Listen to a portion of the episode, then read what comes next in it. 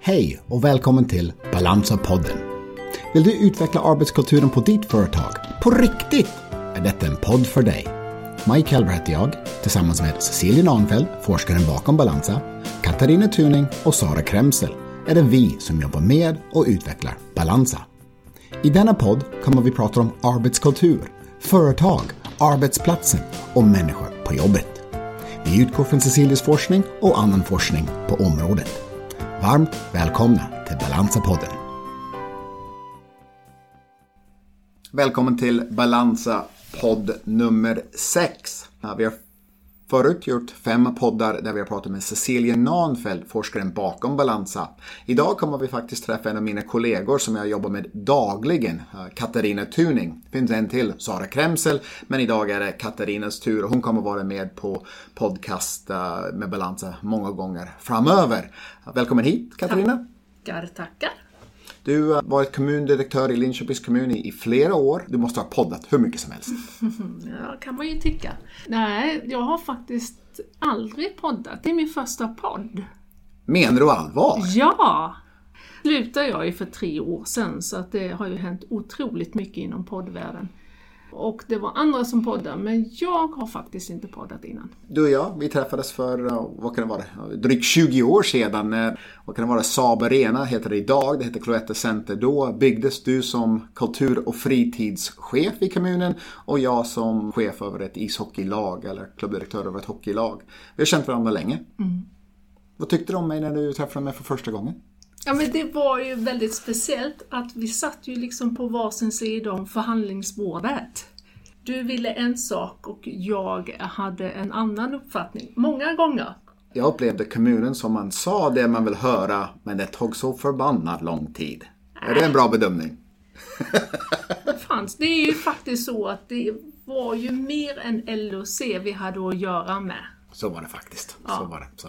Ja, vi känner varandra väldigt länge, eller har haft en relation väldigt länge, som du är inne på, andra sidan av bordet. Och olika förhandlingar, om det är istidshyra eller om det är hur man ska driva en restaurang i, i Saab Arena eller hur man ska göra. Haft många olika samtal och diskussioner. Och vi har kunnat faktiskt hålla det på en bra nivå alla dessa år också. Absolut, och det är det som jag tycker är har alltid varit viktigt för mig, att faktiskt skilja på sak och person. Att man kan ha ett, ett professionellt meningsutbyte och ganska tuffa förhandlingar, men det alltid ska vara på ett respektfullt sätt. Det har varit viktigt. Och sen så är det väl klart att ibland så kanske brast tålamodet både hos dig och mig.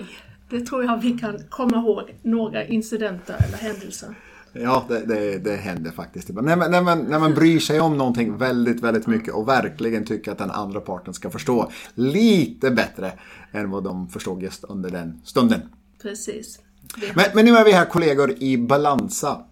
Vi har jobbat ihop snart två år med Balansa och gjort det till någonting som vi är väldigt stolta över. Men kan du berätta lite om din resonemang kring Balansa från, från början, hur du tänkte? Absolut. Jag hade hört talas om Balansa faktiskt även under min tid som kommunikationsdirektör, men eh, fördjupade mig faktiskt inte jättemycket utan trodde kanske att det handlar mer om att man skulle balansera arbetsliv och övrigt liv, det vill säga jobba mindre.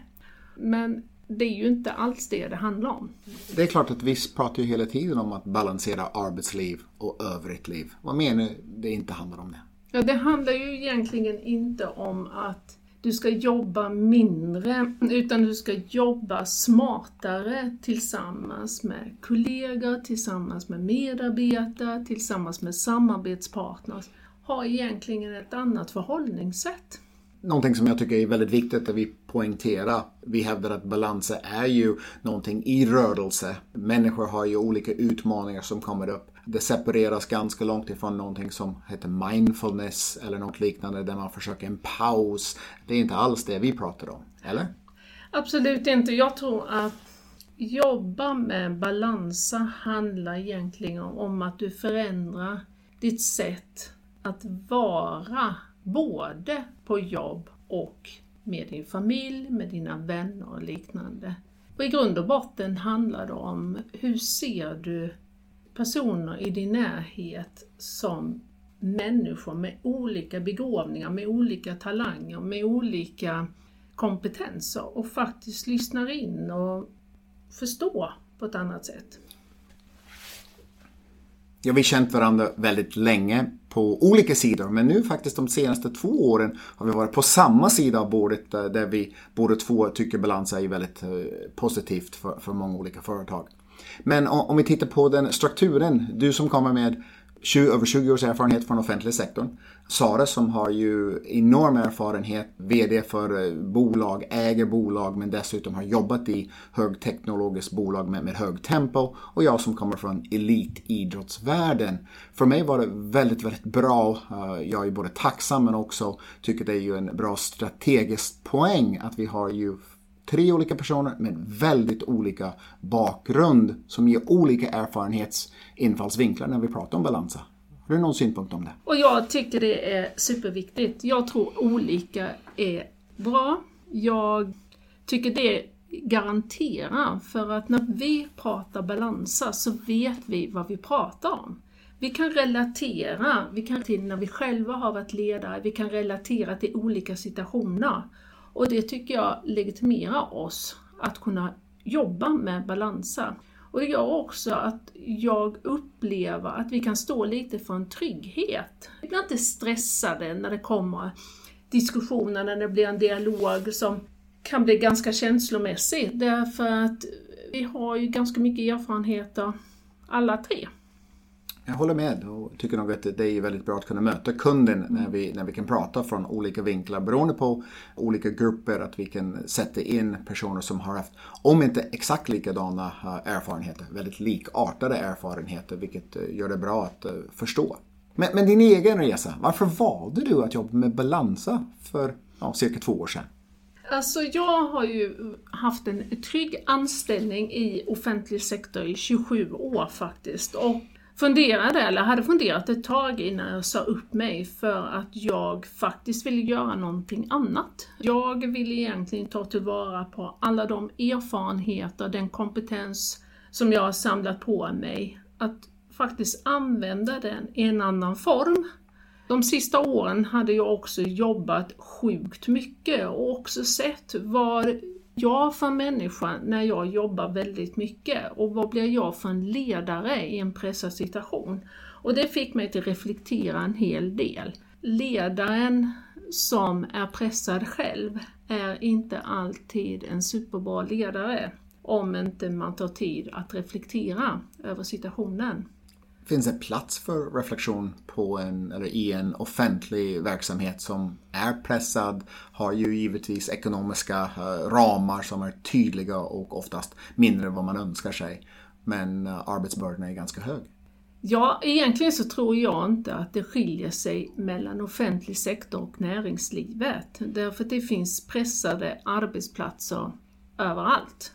Jag tror att eh, vi har en jätteutmaning på många arbetsplatser att vi inte tar oss tid att faktiskt reflektera, att lyssna på varandra, att faktiskt lyssna på varandra med kvalitet och inte vara så himla snabba med att komma med åtgärder, att ge råd och tips, utan faktiskt lyssna på varandra och se vad är egentligen utmaningen och hur kan vi lösa det tillsammans? Du startade ett bolag som heter Katma. Det är alltså det bolaget som du bedriver, inte bara ditt samarbete och eh, engagemang med Balansen, men du gör lite andra saker också. Absolut. Jag jobbar med chefscoachning. Jag jobbar med coacha nya chefer. Jag jobbar också med att utveckla ledningsgrupper, arbetsteam överlag.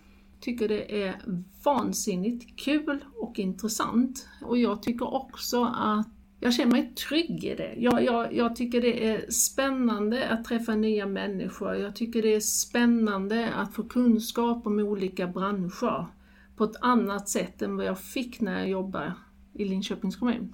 Kan du ta ställning? Kan du ge råd tydligt och, och rakt? Ja, alltså det där är jätteintressant. För som coach så handlar det egentligen inte om mina råd, utan det handlar egentligen om att få personen själv att reflektera över situationen och med mina frågor och med min, mitt sätt att agera i samtalet frigöra en hel del tankar hos individen.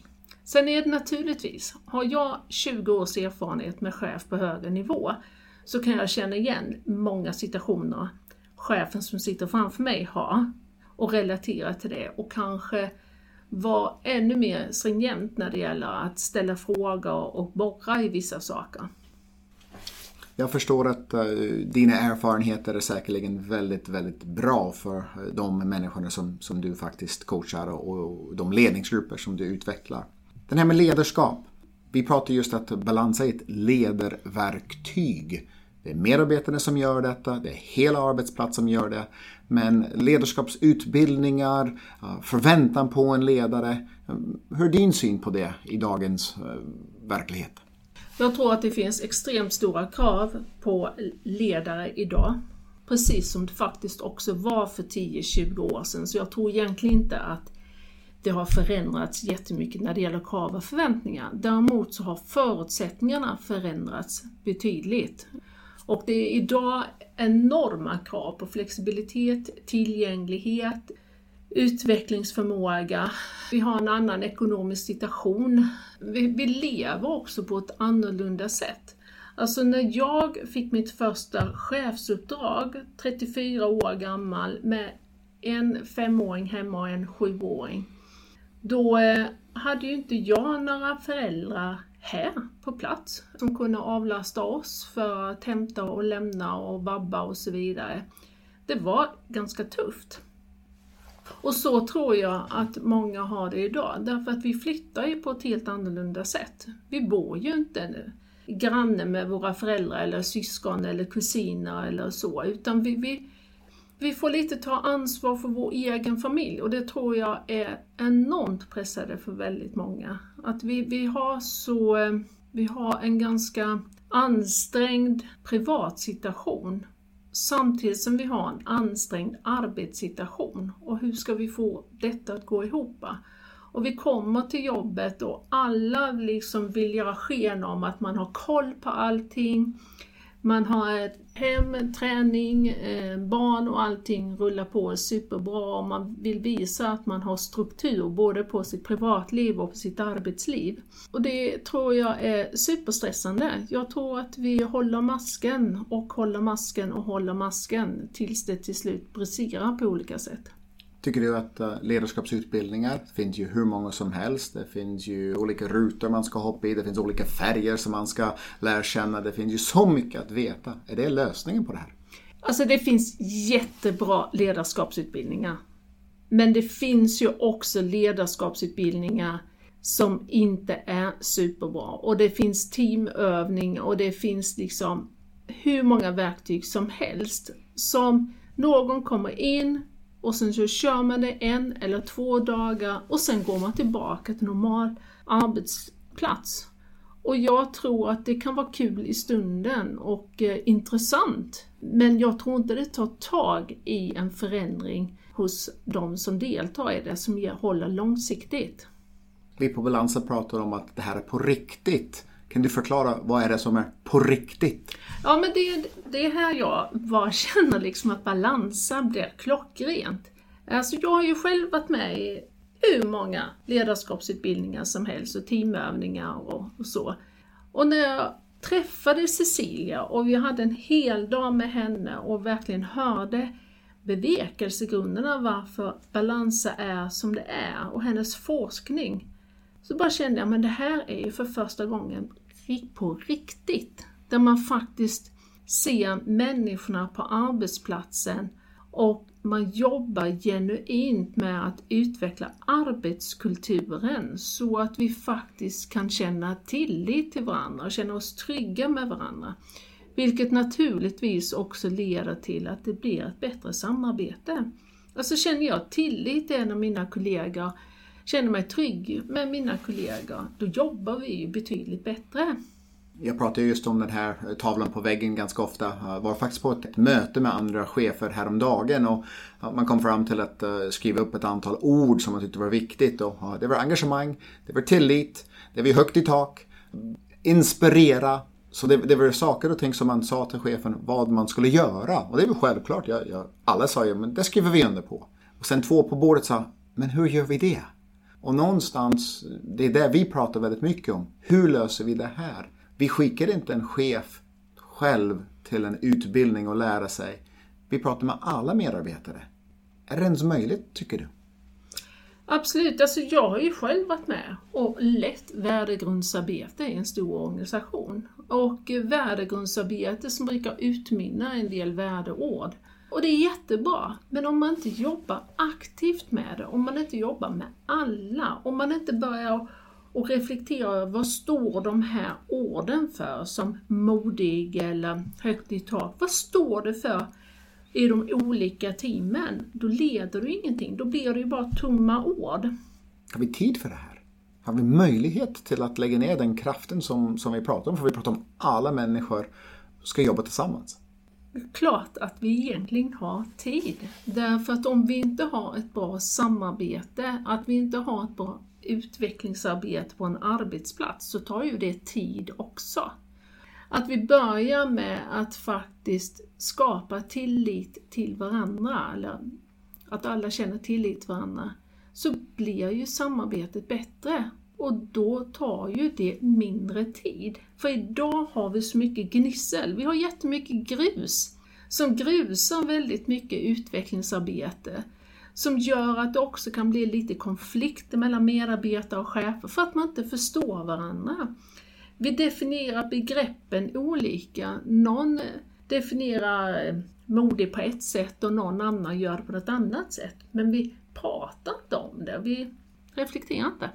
Men som du sa faktiskt häromdagen, någon chef sa till dig, men vill jag verkligen väcka björnen som sover i en arbetsgrupp? Det, det fungerar ganska bra, ska vi verkligen ta upp de svåra frågorna? Ja men det är ju det som är liksom grejen. Björnen finns ju redan på arbetsplatsen. Och den kan ju vakna när som helst. Därför ska vi absolut väcka den björn som sover och se vad är det som trycker dig just nu.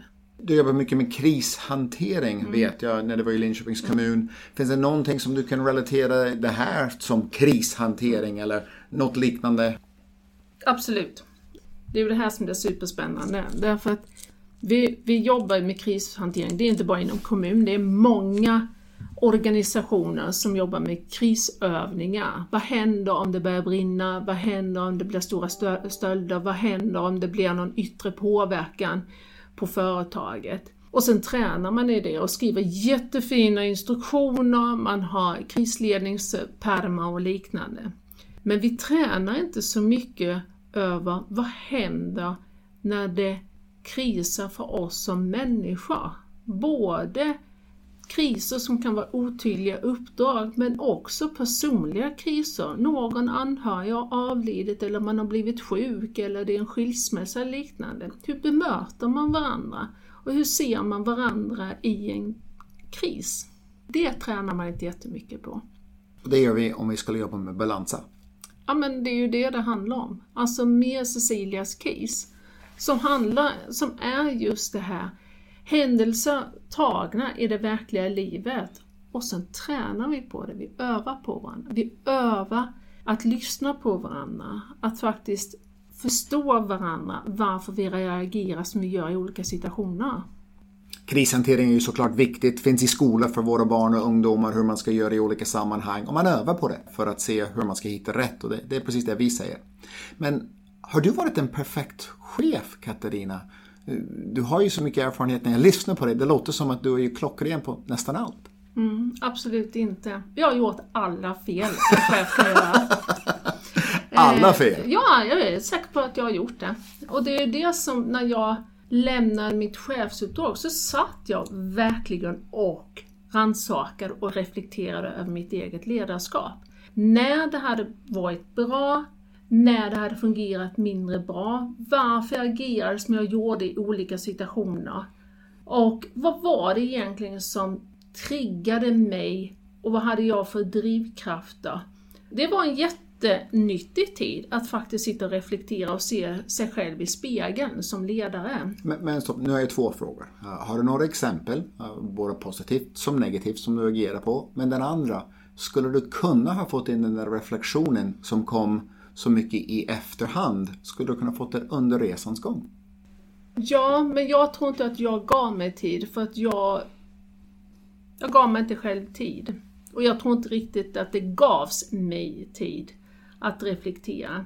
Jag kan dra mig till minnes eh, en särskilt tillfälle där man också kan se hur agerar chefen och chefens signalvärde till övriga medarbetare. Alltså för tio år sedan så var jag i en sån här tuff situation som många hamnar i ibland. Eh, skilsmässa, mina älskade föräldrar dog eh, ganska hastigt, kort tid emellan. Och egentligen hela min grundtrygghet blev omskakad. Och då jobbade jag som chef och hade, det hände jättemycket på jobbet, det var stora, stora utvecklingsfrågor. Och jag gick till jobbet trots att jag sov dåligt, trots att jag mådde superdåligt, så gick jag till jobbet varje dag. Jag var inte hemma en enda dag. Jag gick till jobbet, jag var superfokuserad och pratade ingenting om min privata situation.